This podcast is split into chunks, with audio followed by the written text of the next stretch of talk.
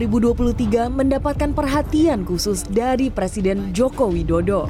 Dalam acara BUMN Startup Day yang digelar pada September 2022, Presiden Jokowi mengatakan tahun 2023 akan menjadi tahun yang gelap. Lembaga-lembaga internasional menyampaikan tahun ini, tahun 2022 sangat sulit. Tahun depan mereka menyampaikan akan lebih gelap. Krisis pangan, krisis energi, krisis finansial, COVID yang belum pulih, dan akibatnya kita tahu sekarang ini. Menurut astrologi Tiongkok, tahun 2023 adalah tahun kelinci air.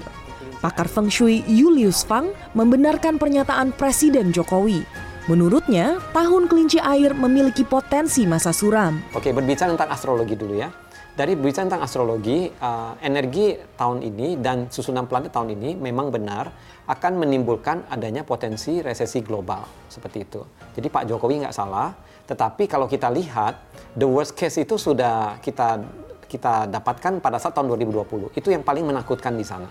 Oke, jadi 2023 ini kita bayangkan nanti akan ada juga potensi itu dan kita prediksi adalah di April sampai dengan Oktober di mana sampai uh, April sampai Oktober, di mana pada saat itu terjadi, mungkin dampak awalnya seperti layaknya um, ekonomi mulai terkena dampak pandemi seperti itu, tetapi mungkin nanti sampai menjelang akhir tahun, uh, ekonomi akan seperti tahun 2021. Oke, jadi 2021 better daripada 2020.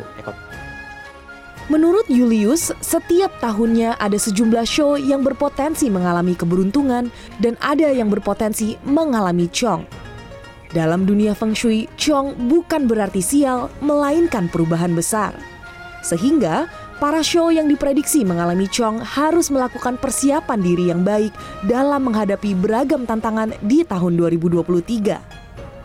Menurut Julius Fang, di tahun kelinci air ada lima show yang akan mengalami Chong, yaitu ayam, naga, kuda, tikus, dan kelinci. Langkah terbaik dalam menghadapi perubahan tersebut adalah persiapan yang matang. Sebagai contoh, jika show tersebut ingin berbisnis, maka harus memperkaya ilmu manajemen atau belajar dari ahli. Para show yang berpotensi cong juga baik untuk menjaga suasana hati tahun ini karena akan menghadapi tantangan yang berat. Selain itu, beberapa show yang diprediksi akan mendapatkan kelancaran adalah anjing, tikus, kambing, dan monyet. Mereka disarankan untuk memanfaatkan keberuntungan tahun ini dengan baik dan juga berbagi keberuntungan dengan cara membantu orang lain. Karmel Mursalim, Arif Yunan, Jakarta.